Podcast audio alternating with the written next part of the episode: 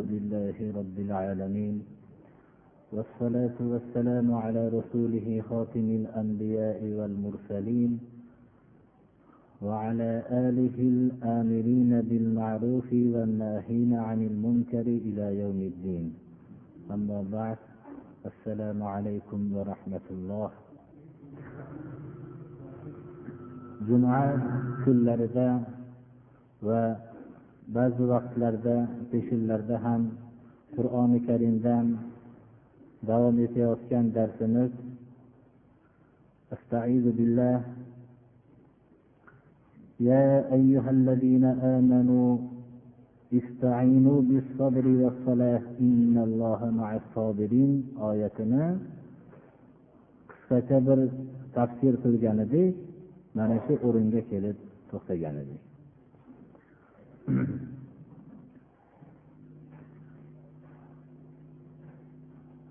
bu oyatni peshinda qisqacha tafsir qilganligimiz munosabati bilan ko'pchilik eshitmaganligi uchun shu qisman takrorlab o'tmoqchiman. Alloh subhanahu va taolo islom ummatini alohida qibla bilan imtiyozlab baytul muqaddasdan kabai muazzamaga burilishlikka buyruq berishlik bilan qiyomatgacha kabai muazzamani musulmonlarning qiblasi qilib bergan bo'ldi. Va bu qibla bilan musulmonlar alohida qibla bilan ham imtiyozlangan bo'lishdilar. Imtiyozlik ummat o'zining oldida juda ko'p vazifalar kutib turganligi bilan alloh subhanahu va taolo ogohlantirib bu ummat o'zining maqsad yo'lida juda ko'p qattiqchiliklarga duchor bo'lishligini bildirib bu qattiqchiliklarga sabr qilishlikka ularning alloh subhanahu va taoloning huzurida mo'tabar bo'lgan sifatlari bo'lgan iymon sifati bilan chaqirib sabr qilib shu qattiqchiliklar ularning maqsadlarini oldida to'sib bo'lib qolmasligiga nido qilib chaqiradi.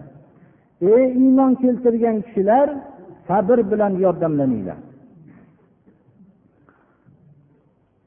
Olloh yo'lida kurashayotgan kishi o'zining eng birinchi odati sabrni odat qilmoqligi kerak. Lekin sabr deganda biz tushungan sabr bo'lib qolmasligi kerak.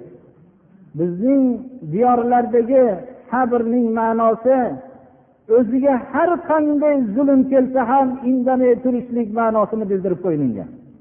Sabr alloh subhanahu va taoloning buyrug'ini ijro qilish yo'lida har qanday qarshiliklarga bardosh berib o'zining g'oyasidan to'xtamasdan harakat qilishligini sabr deydi birodarlar. Ana sabr bilan yordamlaninglar. Qur'oni karimda taqvo bilan sabr kalimasi ko'p zikr qilingan. Alloh subhanahu va taolo islom ummatining yelkasidagi vazifaning katta ekanligini bilib sabrni o'zining azaliy kitobida ko'p yod qildi. Yerdagi da'vat turli narsalarga sabr qilishlikni talab qiladi. Birinchi ollohni buyruqlarini bajarishlikda matonat bilan sabr bilan turmoqligi kerak inson. Va olloh man qilgan narsalardan o'zini to'xtatib sabr qilmoqligi kerak. Va ollohga qarshi chiqqan kishilar bilan kurashishlikda sabr qilmoqligi kerak.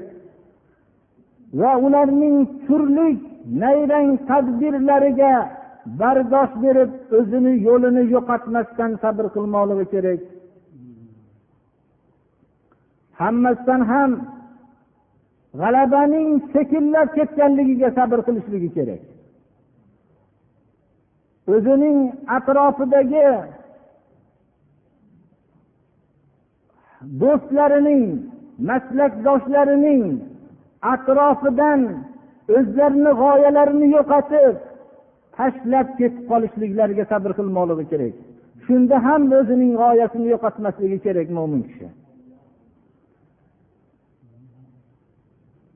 Odamlarning tanimasdan haq yo'lga chaqirayotgan vaqtda uni adashtiruvchi deb nom qo'yib dashnomlar berishligiga sabr qilmoqligi kerak. Sabrni xullas sabr ta'limini bergan ustozimiz muhammad alayhissalomdan u kishining hayotidan ibrat olib sabrni o'rganmoqligi kerak mana. Alloh subhanahu va taolo sabr bilan yordamlaninglar deb namozni ham yonida zikr qilinyaptiki namoz bilan ham da'vatni yetkazishlik mashaqqatlariga sabr qilishlikda yordamlaninglar. Namoz bilan yordamlanishlik nima? Namoz bilan mana janobi rasululloh sollallohu alayhi vasallam biror bir tashvish bo'lib musibatlar og'irlashgan vaqtda namozga iltijo qiladilar namoz mo'min bilan yaratuvchi o'rtasidagi bog'lanish yaratuvchidan ozuqa olish iltijo qilib alloh subhanahu va taolo tarafidan madadlanishlikdir. Da'vatning birinchi kunlarida nozil bo'lgan surai muzzammil surasi payg'ambarimiz sollallohu alayhi vasallamga nozil bo'lgan suralarning avvallarini tashkil qiladi bu surada alloh subhanahu va taolo يا أيها المزمل قم الليل إلا قليلا نصفه أو انقص منه قليلا أو زد عليه ورتل القرآن ترتيلا ey o'ralgan turing bedor bo'ling kechada kechaning yarim qismida yo yarmidan ko'proq qismida yo ozroq qismida va qur'onni tartil bilan tilovat qiling deb buyurdi. Islomning avvalida bu kishiga tahajjud namozi farz bo'ldi. Chunki bu kechada bedor bo'lishlikni sababini alloh taolo bayon qilib biz yaqin kelajakda sizni yelkangizga og'ir bir yukni tushiramiz. Bu risolat yuki edi. Bu da'vat yuki edi. Bu risolat da'vat yuki nihoyatda og'ir edi alloh subhana va taolo madad bermasa. Shuning uchun ozuqa oladigan manzilni ozuqa oladigan o'rinni alloh subhanahu va taolo ko'rsatib namoz ya'ni kechqurunda bedor bo'lib qur'onni tilovat qilishlikka olloh buyurdi.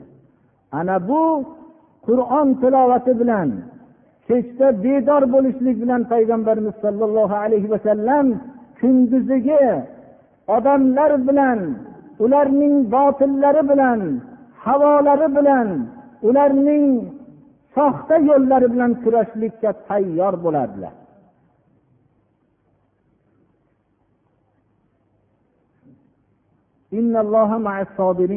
olloh sabr qiluvchilar bilan. Olloh toatlariga sabr qilgan kishilar bilan olloh ma'siyatlardan o'zlarini tiyib sabr qilganlar bilan olloh ollohni yo'lida kurashgan vaqtlarida g'alabaning uzoqlashib ketayotganligiga sabr qilganlari bilan olloh olloh yo'lida kurashayotgan kishilar ro'barosida botilning ishib go'yoki botil g'alaba qilib ketayotganga o'xshagan ko'rinishlikka sabr qilib g'oyalarini yo'qotmagan kishilar bilan olloh atroflaridagi maslakdoshlar shu yo'lda dunyo martaba boshqa narsalarga aldanib haqiqat yo'lida turgan va o'zining g'oyasini yo'qotmasdan yakka qolgan sabr qiluvchilar bilan ular o'zlarining sabrlari bilan olamdagi hamma mahrumiyatni ixtiyor qilishadilar olloh bilan birga bo'lishsalar. Ular olloh shunday hamma dunyodagi soxta narsalardan mahrum bo'lganliklariga sabr qilib turganlar bilan olloh birgadir ana ana bu oyatni agar olloh birga bo'lsa bir kishi bilan dunyodagi hamma narsadan mahrum bo'lishligimga zarar qilmaydi birodarlar. Va shu bilan birga da'vat avvalda islomda odamlarni har xil narsalar bilan yupatib aldagani yo'q. Qur'oni karim ochiq haqiqatni aytdi. Ular albatta ko'p imtihonlarga duchor bo'lishligini aytdi. va shu bilan birga bu imtihon qattiqlashib borishligini hatto olloh yo'lida qatl qilinadigan shahidlar borligini ham e'lon qildi استعيذ بالله ولا تقولوا لمن يقتل في سبيل الله أموات بل أحياء عند ربهم بل أحياء ولكن لا تشعرون olloh yo'lida qatl qilingan kishilarni o'lganlar deb aytmanglar. Olloh yo'lida qatl qilingan kishilarni alloh subhanahu va taolo til bilan ham o'lgan deb aytishlikdan man qildi. Balki ular tirik ular hayot lekin sizlar hayotning bitta turini bilasizlar. Mana shu dunyodagi o'zinglar yashab turgan hayot turini bilasizlar. Bu shahidlarning hayot qanday hayot bilan birga ekanligini his ham qilmaysizlar sizlar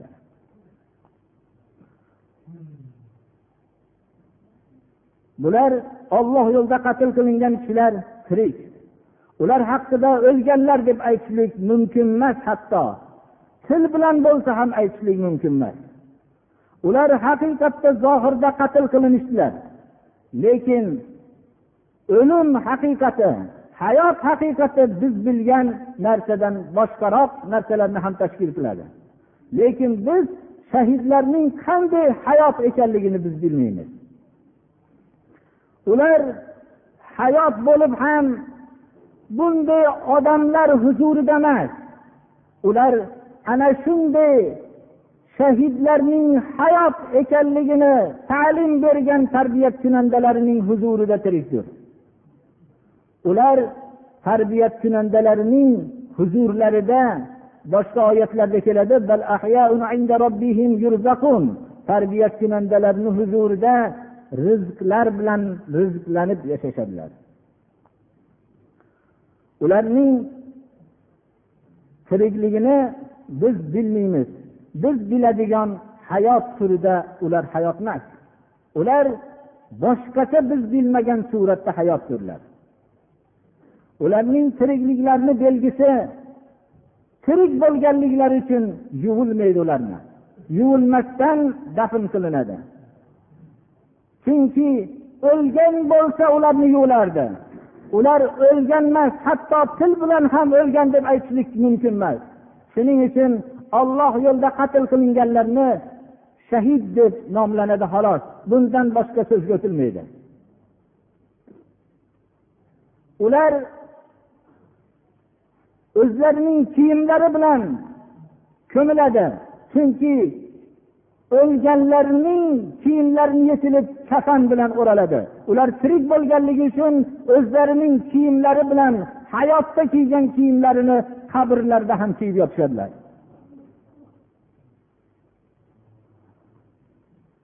Ular tirik shuning uchun qolgan do'stlari qolgan oilalar unga g'amgin bo'lishmasliklari kerak. Ular o'lgan bo'lsa g'amgin bo'lishlari kerak. Shuning uchun oilalariga do'stlariga birodarlariga ulardan judo bo'lishlik og'ir bo'lmasliklari kerak. Lekin biz ularning qanday tirik ekanligini his qilmaymiz. Imom muslim o'zlarining jomi sahiylarida rivoyat qilib bir hadis sharifni olib kelganlar إن أرواح الشهداء في حواصل طيور حبر تسرح في الجنة. حيث شاءت ثم تأوي إلى قناديل معلقة تحت العرش فأطلع عليهم ربك إطلاعا فاطلع عليهم ربك اطلاعا فقال ماذا تبغون؟ قالوا يا ربنا وأي, وأي شيء نبغي؟ وقد أعطيتنا ما لم تعط أحدا من خلقك. ثم عاد عليهم بمثل هذا فلما رأوا أنهم لا يتركون من أن يسألوا من أن يسألوا قالوا نريد أن تردنا إلى الدار الدنيا فنقاتل في سبيلك حتى نقتل فيك مرة أخرى. لما يرون من ثواب الشهادة. فيقول الرب جل جلاله إني كتبت أنهم إليها لا يرجعون. Keyin arsh ostida osib qo'yilgan qindillar ostiga kelib joylanishadi. Rabbiz ularga bir rahmat bilan nazar tashlaydi. Shunda nimani istayapsizlar deb so'raydi shahidlarning ruhidan. Shahidlar ey robbimiz nimani talab qilamizki? Biror bir maxluqotingga bermagan narsalarning hammasini berding. Biz hech narsani sendan talab qilmaymiz deyishadi. Alloh subhanahu va taolo yana savol qiladi. Ular bir narsani qandaydir talab qilishmasalar savol takrorlanaverishligini ko'rganlaridan keyin rob taolodan yana bir bor hayotga bizlarni qaytargin. Shu hayotda yana bir bor shahid bo'lib kelaylik deyishadi. Ular shahidlarga berilingan shunchalik mukofotlarni ko'rishib faqat dunyoga qaytib yana bir bor shahid bo'lib kelishlikni umid qilishadilar xolos.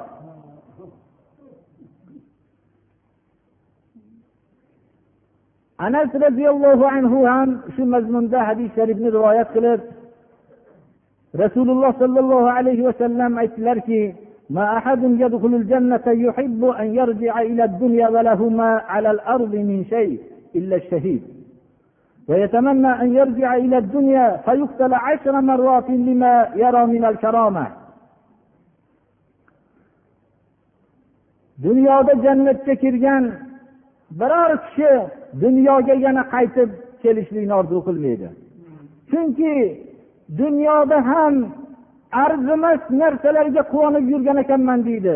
Jannatda berilgan mukofotlarni ko'rib hech bir kishi yana dunyoga qaytib dunyoda orzu qilib yurgan narsalarning birortasini orzu qilmaydi. Ammo shahid dunyoga bir qaytarishlikni orzu qiladi. U dunyodan yana bir dunyoga tirilib qaytsayu yana bir bor shahid bo'lsam deb orzu qiladi ana payg'ambarimiz sollallohu alayhi vasallam o'zlarining atroflaridagi jamlangan sahobalarni ana shunday tarbiya qildilar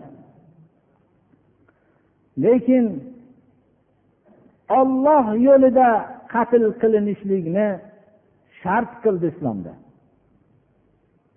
أفضل شهداء أمتي رجل قام إلى سلطان جائر فأمره بالمعروف ونهاه عن المنكر فقتله فهو بين حمزة وعلي وجعفر dedilar ummatimning shahidlarining eng afzali zolim zulm yetkazayotgan sulton huzuriga borib ma'rufga buyurib munkardan qaytarib bo'lsayu u o'zining zolimligi sababli buni qatl qilgan bo'lsa bu ummatim shahidlarning sayyidi bo'lgan hamza ali jafar o'rtasida turadi dedilar.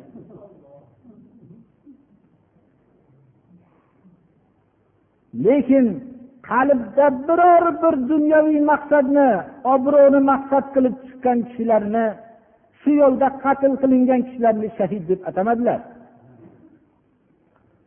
Faqat olloh yo'lida zarracha bo'lgan qalbida g'araz bo'lmasdan ollohni rizosidan boshqa rizoni istamasdan chiqqan kishinigina shart qildilar. Hatto rasululloh sollallohu alayhi vasallam mana abdurahmon ibn abi uqba dadalaridan rivoyat qilib aytadilarki payg'ambarimiz sollallohu alayhi vasallam bilan uhud jangida hozir bo'ldim. Shunda mushriklardan bir kishini qatl qildim. Men fors yigitiman mendan ol deb shu qatl qildim deydilar payg'ambarimiz sollallohu alayhi vasallam menga qarab aytdilarki dinga yordam beruvchi yigitman deb aytmadingda hatto millatchilikning bo'yi kelib qolgan so'zdan hazar qilib xohlamadilar shu so'zni payg'ambarimiz sollallohu alayhi vasallam.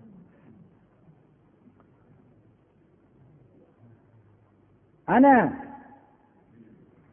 o'zini islomda millat faqat bir o'zbek yo tojik yo boshqa millatni hisobga olgan kishilarni payg'ambarimiz sollallohu alayhi vasallam buni xohlamadilar shunday bo'lishligini. Bizning islomda millatchilik bo'lmaganligi sababli janobi rasululloh sollallohu alayhi vasallamning atroflariga hamma millatdan islomni qabul qilgan kishilar ozgina yigirma uch yilgi hayotlaridagina o'zi muyassar bo'ldi. Chunki ular islomni qabul qilishsalar hech qanday bir xorlikni his qilishmadilar. Shuning uchun mana bizlarning diyorlarimizga ham islom dini kelishligi islomning ruhida biror bir millat haqoratni his qilmadi mana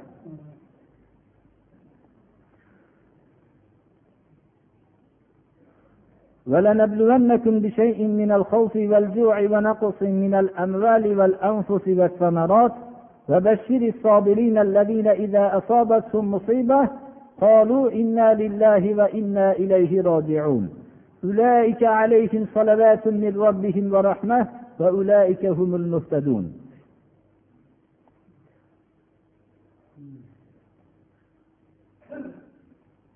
Hali yuqorida aytganimizdek islom millatining oldida ko'p qattiqchiliklar turishligini qur'oni karim avvaldan e'lon qildi.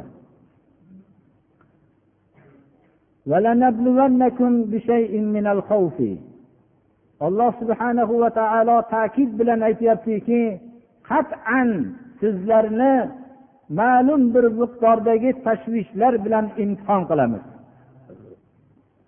Ochlik bilan imtihon qilamiz. Mollar va jonlarning kamayishligi bilan imtihon qilamiz. Va bog' rog'lardagi mevalarning kamayishligi bilan imtihon qilamiz. Ana bu imtihonda o'zlarining g'oyalarini yo'qotmasdan o'zlarining islomiy g'oyalari yo'lida matonat bilan turgan sobirlarni xursand qilingki boshlariga musibatlar yetganda xoh tashvish bo'lsin xoh ochlik tashvishi bo'lsin xoh jonlarning ketishi xoh mollarning ketishi xoh bog'iroqlardagi mevalarning ketishligi bilan musibat yetgan vaqtda ular biz ollohni mulkimiz ollohnikimiz va ollohning huzuriga qaytarilamiz deb matonat bilan turgan sobirlarni xursand qiling deyapti alloh taolo. Mo'minlar aqida vazifalarini bajarishlik uchun albatta imtihon bosqichlarini o'tishlari shart.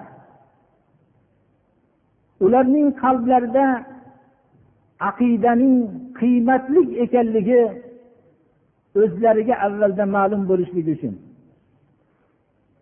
Aqida insonga shunday qiymatli bo'lishligi kerakki har qanday tashvish oldida beqaror bo'lmasligi kerak aqidasini yo'qotmasligi kerak.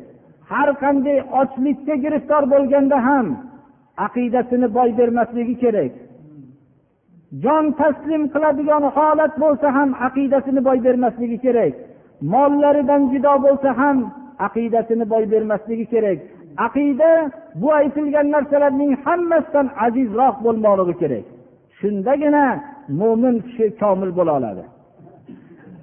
Undan tashqari aqida yo'lida har qanday musibatlarni ko'tarilayotganligini mo'minlar tarafidan ko'rilgan vaqtda dinni bilmayotgan kishilar qarab agar bu aqida haq bo'lmaganda bular bu darajadagi musibatlarni ko'tarib shuncha boshlariga musibat yetsa ham bu aqidani ushlashib turgan bo'lmasdi. Demak bu aqida haq bo'lganligidan shuncha musibatlarni bular ko'tarishyapti deb boshqalarning iymonlariga ham sabab bo'lishadilar. Undan tashqari inson boshiga yetayotgan musibatlar insonlarning safini tozalaydi. Alloh subhanahu va taolo faqat o'zining rizosini talab qilgan safni aralash bo'lib yurishligini xohlamaydi. Undagi soxta orzular bilan kirib olganlarni shunday imtihonlar bilan ularni safdan tushirib qo'yadi va saf tozalangandan keyin o'zining madadini faqat o'zining rizosini istagan saf kishilarigagina tushiradi.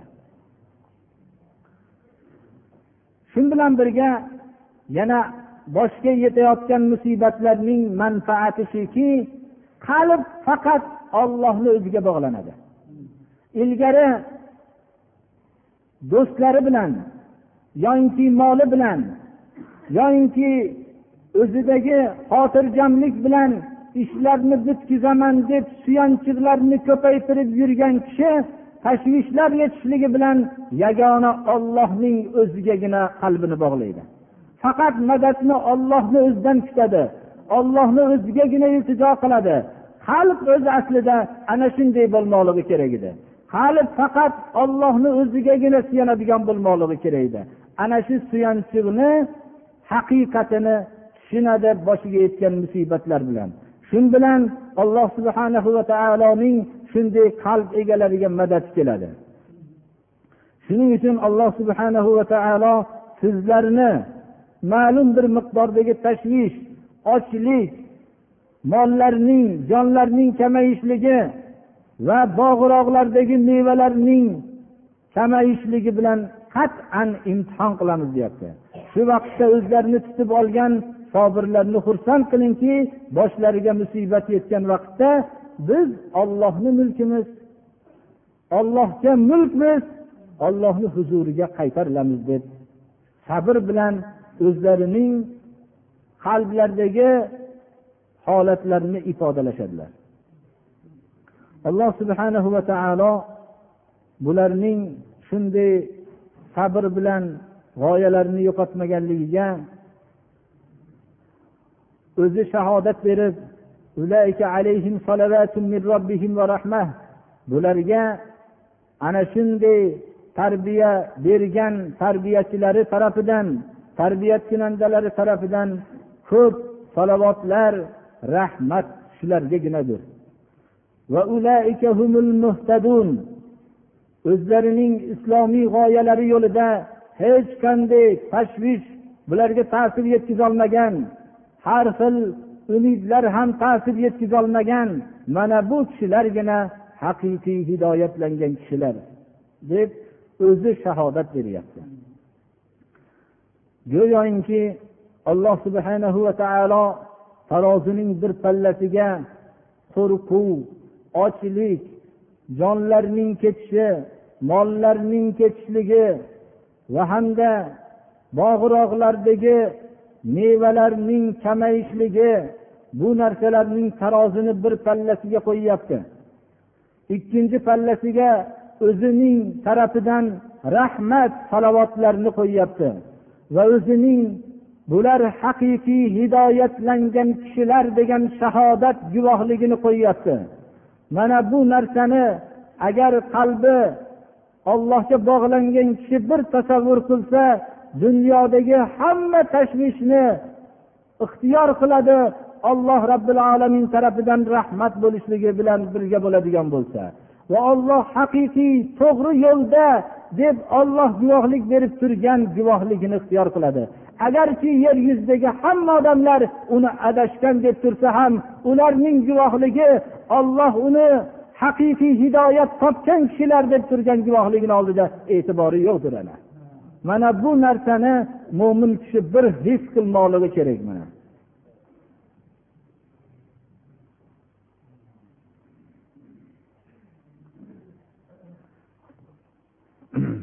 الحمد لله alamin alloh subhanahu va taolo bizlarni ham صابر qilsin va وشن بلن birga alloh subhanahu va taolo bizlarga ham shu o'zlarini hidoyat topgan hidoyat topgan kishilar deb bergan guvohligini bizlarga ham nasib qilsin alloh taolo اهدنا الصراط المستقيم صراط الذين أنعمت عليهم غير المغضوب عليهم ولا الضالين alloh taolo to'g'ri yo'ldan chiqarmasin hammamizni ham alloh dallolchilik yaxshi ish emas deb eshitamiz shu to'g'rimi degan endi dallolchilik deb arab tilida dallol yo'llab qo'yuvchi degani. Dalla kalimasidan nihoyatda bir odamlarni ishi bitmayotgan bo'lsa yo'llab qo'yuvchi degani. Bozorlarda biror bir ishi bitmayotgan bo'lsa shu yo'llab qo'ysa bunga endi alohida bir haq olib shunaqa qilishlikka hojat yo'q bu endi. Haq olish haq olmaslik haqida men bir aniq bir ma'lumotga ega emasman bu narsani bir ko'rib aytib beramiz bir xolis amal qilishlik odamlar ichida yot bo'lgan emas. Odamlar xolis ishlarni qilishlikka o'z o'zlaridan shunga qiziqishib harakat qilganlar. Keyin bu juda ko'p xolis ishlar pullikka aylanib ketib qolgan. Shu dallol ham o'zi masalan ish bitkazmagan odamni o'rtasida bir turib bitkazib beruvchi. Ko'p bunga yo'llab qo'ysa mukofot deganda ilgarigi olimlar boshqa odamlar hammalari ajrni haqiqiy mukofot deb bilishgan. To'g'ri xizmat haqqi oladigan ishlar shariat ko'rsatgan ko'rsatuvlar bo'ladi. Endi hozirgi davrda bir ishni bir foyda qildim deganda faqat pul topgan narsanigina foyda qildim deb tushunadigan davr bo'lib qoldi shuning uchun hamma narsaga pul bo'lib ketdi. Birov gapirganiga ham pul oladigan bo'lib qoldi odamlarni kuldirganiga ham pul oladigan bo'lib ketdi. Odamlarni yig'latganiga ham pul oladigan bo'lib ketdi. Mana navhagarlar odamlarni o'limlarida yig'latishlik uchun pul olar ekan. Mana masxaravozlar ham kuldirib pul olishi hamma yoq pulga aylanib ketdi. Birov uxlab bersa ham pul oladigan bo'ladigan darajaga chiqib ketadi shekilli bunaqada mana. Shuning uchun bu endi biz dallolni pul olish olmasligi to'g'rimi noto'g'rimi aniq men bir ma'lumotga ega emasmanu lekin dallol yo'llab qo'yuvchi degani. Yo'llab qo'yishlik maqsad bo'lsa kerak. Boshqalarni savollari hammalari ba'zilari bir talab ilmdaman duo qilinglar alloh men kasalman lekin shifo bersinda bir umrini oxirigacha shu din yo'lida xizmat qilay debdi. Mana shu va'dalarni esdan chiqarmasdanliklari kerak. Ho'p masalan shu sog'lom bo'lganda u nihoyatda ehtiyot bo'lishligi kerak. Mana kasallik vaqtida juda niyati xolis ekan. Sog'lom bo'lganda shu niyatni yo'qotib qo'ymasligi kerak. Ho'p boshqalar bir notobligini aytibdi qattiq notob ekan. Bitta bir akamizni ham anchadan beri notobligini gapirishibdilar. Ba'zilar ota onalarimizni ham bir duo qilinsin bir ba'zi kelishmovchiliklarimiz bo'lib turibdi deb shunaqa deyishibdilar duo qilaylik hammalarini ham alloh subhana va taolo maqsadlarini bersin. Hammalarini to'g'ri yo'lga hidoyat qilsin. kasallarga alloh shifo bersin shu bilan birga ruhiga shifo bersin va bu shifolangandan keyin dini islomga xizmat qiladigan kishilardan bo'lsin talabi ilmda bo'lgan kishilarga alloh subhanahu va taolo manfaat qiladigan ilm bersin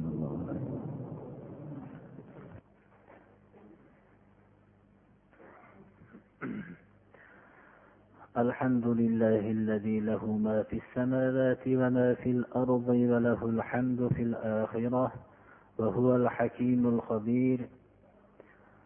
أحمده سبحانه على ما أولاه وأسداه من الإنعام والخير الكثير. وأشهد أن لا إله إلا الله وحده لا شريك له ولا ولد ولا ظهير. وأشهد أن محمدا عبده ورسوله السراج المنير والبشير النذير. اللهم صل على عبدك ورسولك ورسولك محمد ومن على سبيله إلى الله يسير وسلم تسليما كثيرا. أعوذ بالله من الشيطان الرجيم. إن الله يأمر بالعدل والإحسان وإيتاء ذي القربى وينهى عن الفحشاء والمنكر والبغي alloh subhanahu va taolo mana bu oyatda olloh sizlarni adolatlar adolatga buyuryapti deb marhamat qilyapti. Adolat islom olib kelgan yo'l adolatdir. Bu islom olloh subhanahu va taolo tarafidan ya'ni odamlarni va olamni yaratgan zot tarafidan kelgan yo'ldir. Bu yo'lning hammasi adolatni tashkil qiladi. Agar qaysi bir narsani bir kishi davo qilsa islomdan deb bu adolatga to'g'ri kelmasa haqiqiy adolatga to'g'ri kelmasa u islomdan emas bu. Va ehsonga buyuriydi. Ehson nima? Ehson nima ekanligi haqida sahoba ikromlardan bittalari payg'ambarimiz sollallohu alayhi vasallamning huzuriga kelib mal ehson deb so'radilar. Ehson nima? deb so'radilar. Javobiga aytdilarki al ihsanu an ta'buda robbaka ka'annaka tarahu fa in lam takun tarahu fa innahu yaraka. Ehson rabbingni ko'rib turgandek har bir amalingda sig'inib ish qilmoqliging dedilar. Ibodat butun mo'min kishining hamma olamini tashkil qiladi. Hayotdagi har bir narsani alloh subhanahu va taoloning buyrug'iga muvofiq qilmoqligi ibodat sig'inishligidir. Mana shu narsada ollohni ko'rib turgandek agar sig'inib ish qilolasa bu haqiqiy ehsonni vujudga keltiribdida alloh subhanahu va taoloning olloh muhsinlar bilan degan oyatdagi u bilan olloh birga bo'libdi shu odam bilan agar olloh meni ko'rib turibdi deb sig'inishlikka o'zingni e'tiqoding ixlosingni shunga munosib qila olmasang dedilar olloh meni ko'rib ollohni masalan ko'rib turgandek sig'in avvalda. Agar bunga ixlosing e'tiqodingni o'zing munosib qilolmasang olloh ko'rib turibdi deb amal qilishliging ehson dedilar. Va alloh subhanahu va taolo yaqinlarga qarindoshlarga marhamat qilishlikka buyuriydi. Va fahsho buzuq ishlardan alloh subhanahu va taolo qaytaradi. Munkar ishlardan qaytaradi. Fahsho buzuq ishlar shariatga xilof bo'lgan ishlar hammasi buzuq deb e'tibor qilamiz. Agarki odamlar uni durust desa ham munkar shariat noto'g'ri deb ko'rsatgan narsalar. Ko'proq fahshoni buzuqlikka o'zi nikohdan tajovuz qilib buzuqlik yo'llariga yurishlikka iste'mol qilinadi mana. Va xalqlar bir biriga mo'minlar bir biriga tajovuz qilishligidan olloh qaytaradi. Bag'iy ya'ni islomga qarshi tajovuz qilishlik bu bag'iy deyiladi. Alloh subhanahu va taolo sizlarga maiza qiladi. Bu maizalarni eshitib ketaverishlik uchun emas bu bilan ta'sirlanib ibratlanib amal qilishliginglar uchun. بارك الله لي ولكم في القرآن العظيم ونفعني وإياكم بما فيه من الآيات والذكر الحكيم إنه هو الغفور الرحيم الحمد لله رب العالمين والصلاة والسلام على رسوله خاتم الأنبياء والمرسلين وعلى آله الآمرين بالمعروف والناهين عن المنكر إلى يوم الدين خصوصا على الصديق والفاروق وذي النورين والمرتضى أئمة رضوان الله تعالى عليهم أجمعين. الله الرحمن الرحيم. اللهم تقبل منا هذه الصلاة واعف عنا مع جميع نصاناتها بفضلك وكرمك أكرم الأكرمين. ويا أرحم الراحمين. اللهم إنا نسألك العفو والعافية في الدين والدنيا والآخرة. اللهم استرنا بسترك الجميل اللهم احفظنا يا سياد من جميع البلايا والأمراض. اللهم إنا نعوذ بك من الكفر والفقر والجبن والكسل ومن فتنة المحيا ومن فتنة الممات ومن فتنة المسيح الدجال ومن فتنة عذاب القبر وأن نرد إلى أرذل العمر. وصلى الله تعالى على خير خلقه محمد وآله وأصحابه أجمعين الطاهرين الطيبين وارحمنا واحفظنا برحمتك يا أرحم الراحمين. alloh taolo hammamizni gunohlarimizni mag'firat qilsin ibodatlarimizni qabul qilsin mehmonlarimizni ham qadamlariga alloh hasanotlar bersin لله رب العالمين والصلاة والسلام على رسوله خاتم الأنبياء والمرسلين وعلى آله وأصحابه أجمعين. أما بعد السلام عليكم ورحمة الله. قرآن كريم دان darsimizni davom ettiramiz.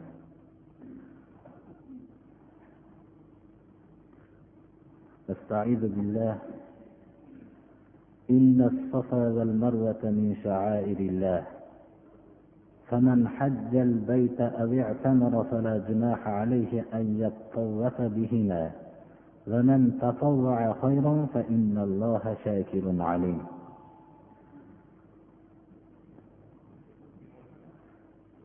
bu oyat kalimani nozil bo'lishlik sababi haqida bir necha rivoyatlar bo'lib bu rivoyatlarning eng yaqinrog'i to'g'rilikka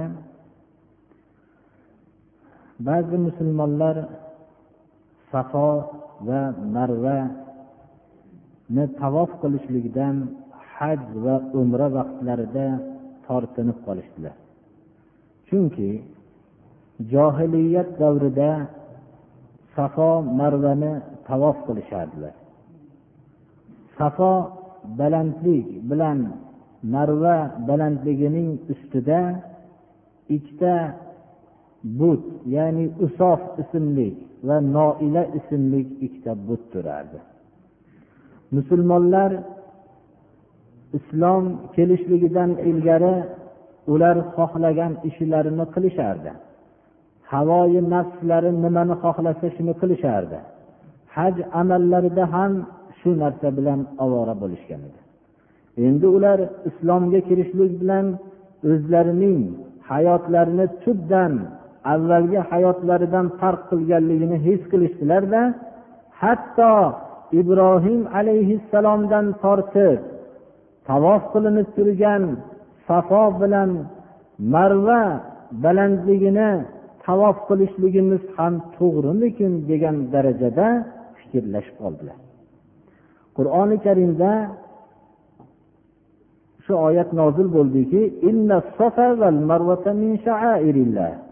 safo va marva ollohning shiorlaridan ollohning ilgarigi payg'ambarlarga ibrohim alayhissalomdan tortib bo'lgan payg'ambarlar bu yerda ibodat qilishlikka buyurgan shior ollohni buyruqlaridan.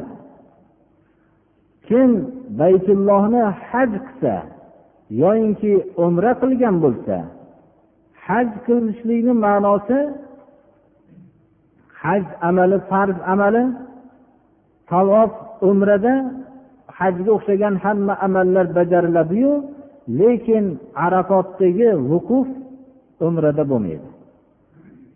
Va hamda hajning amaliga ehrom baylanadigan tayinlik o'rinlar tayinlanadi hajda. Lekin tavofda umrada bo'lsa uning maxsus bir miqotlar bilan o'lchangan emas borib shu umraga ehrom baylanaveradi qayerdan bo'lsa. Haj bilan umra amallari hammasi arafotdagi vuquf bilan va ehrom baylanadigan tayin qilinadigan o'rindan boshqa o'rinda farq qilmaydi.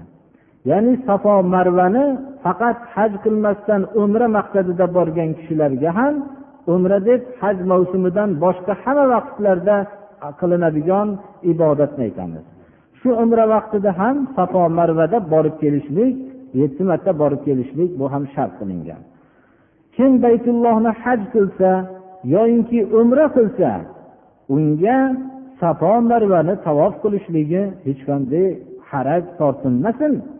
Endi ilgari johiliyat davrida qalbi usof va noila nomlik butlarga bog'lanib haj umra qilgan bo'lsa endi ollohga qalbi bog'lanib turib safo va marvani tavof qiladi. Bundan hech qanday tortinmasin degan oyat nozil bo'ldi. Agar bir kishi endi yaxshilikni yana ham ixtiyori bilan ko'proq qilsa bu bilan alloh subhanahu va taolo safo marvaning tavof qilishlik yaxshilik amallardan ekanligiga ishora qilyapti. Yana ham shunda yaxshiroq bir amal qilib safo marvani tavof qilishlikda ko'proq yaxshiliklarni qilishlikni ixtiyor qilsa olloh buni yaxshilikni ixtiyor qilganligiga shukur qiluvchidir va uning qalbida nima niyat bilan tavof qilayotganligini biluvchidir. U endi islomga kirgandan keyin usof bilan noilani esdan chiqardi. Qalbini ollohga bog'lab turib savob qilyapti.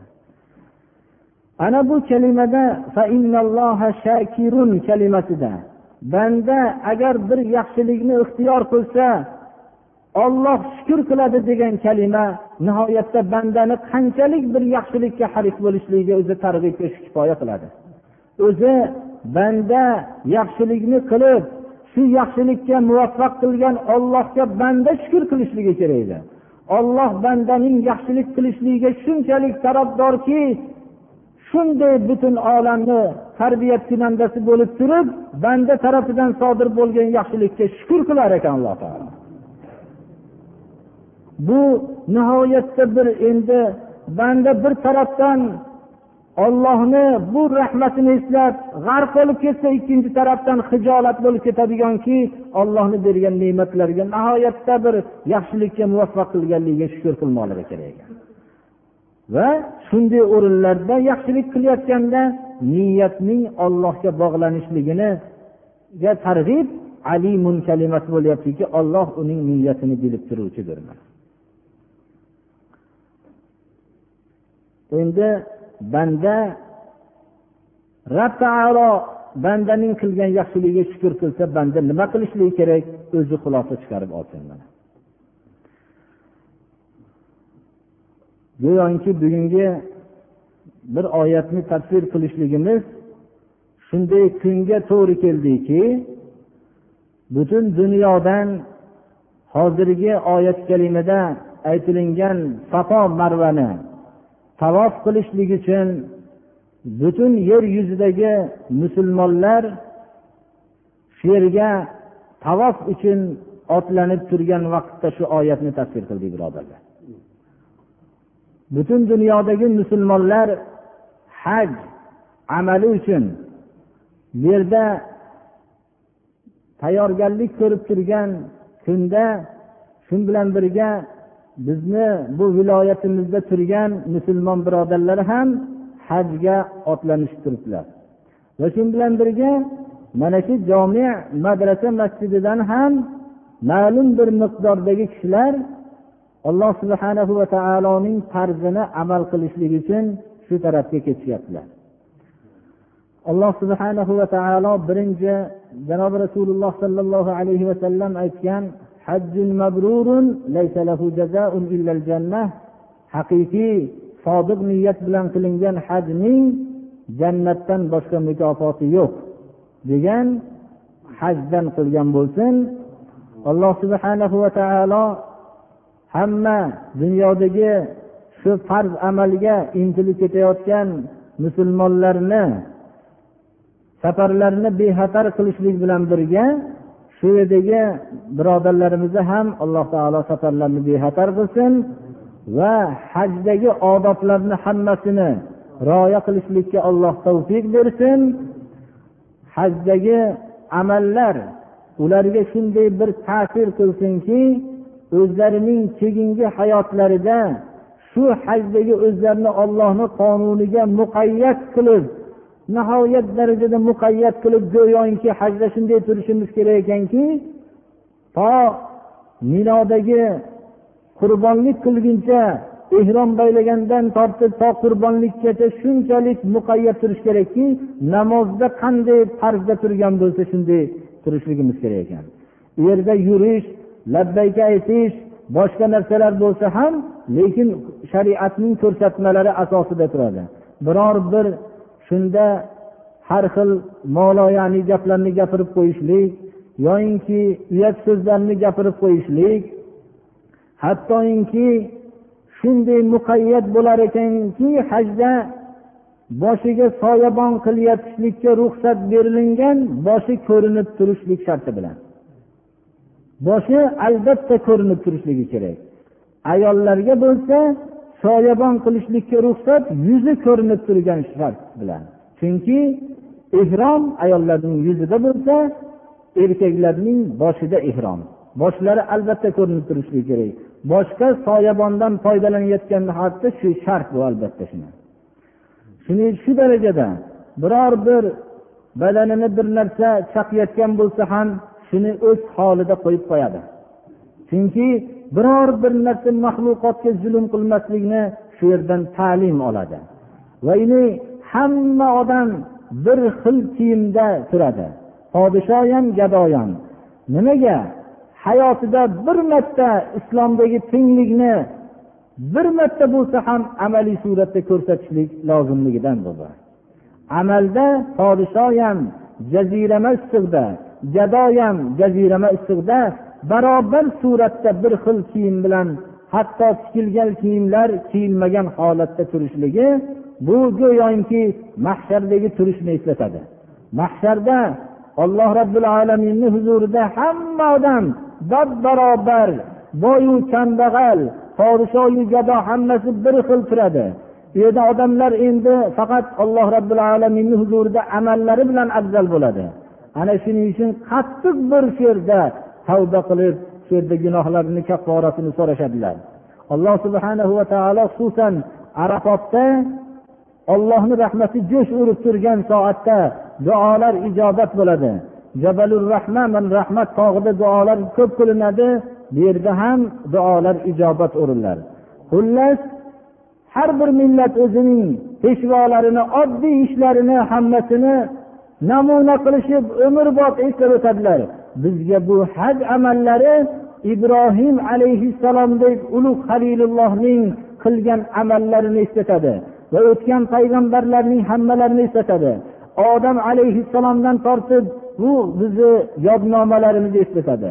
Albatta boshqa millatlar dinsiz bo'lgan millatlar o'zlarining peshvolarini oddiy ishlarini namuna qilib umrbod hayotdagi odamlarni ovora qilishadilar. Endi bu islomda bu ollohni buyrug'i birinchi alloh subhanahu va taolo hamma duo qilaylik. Hamma dunyodagi kishilarning haj safariga otlanayotganlarni safarlarini bexatar qilsin. Bularni ichida ollohga muqarrab bo'lgan juda ko'p ulug' dunyodagi har bir kishilar shu tarafga borishyaptilar. Bu yerda olamdagi eng kuchli allomalarning shu yerdagi suhbatlari nutqlardan foydalanishadilar. Butun dunyodagi musulmonlar hammasining vakillari shu yerda jamlanadi.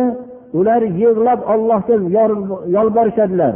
Alloh subhanahu va taolo bularning qilgan farz amallarini olloh qabul qilsin gunohlarni mag'firat qiladigan haj qilsin va shu bilan birga boshqa musulmonlarning hammasini bulardan duo qilishlarini so'raymizki arafotda turib gunohlarni birga mag'firat qilinishligini va shu bilan birga islomga quvvat berishligini duo qilishliklarini islomga qarshi bo'lgan kishilarning olloh jazosini berishligini va shu bilan birga hamma dunyodagi musulmonlarni hammasini islom kalimasini oliy bo'lishligi uchun harakat qilishligini avval o'zlarining maqsadlarini so'rashlikdan ham shuni oldin so'rashliklarini alloh subhana va taolo bularga tavfiq bersin shu tomondan اللهم ألف بين قلوب المؤمنين في المشارق والمغارب واجمع كلمتهم اللهم عليك أعداءك أعداء هذا الدين اهدنا الصراط المستقيم صراط الذين أنعمت عليهم غير المغضوب عليهم من الضالين الله الله تعالى تربي يرى جناه لنمز مغفرات كلسن عبادت لنمز قبول كلسن islom diniga quvvat bersin allohu akbar.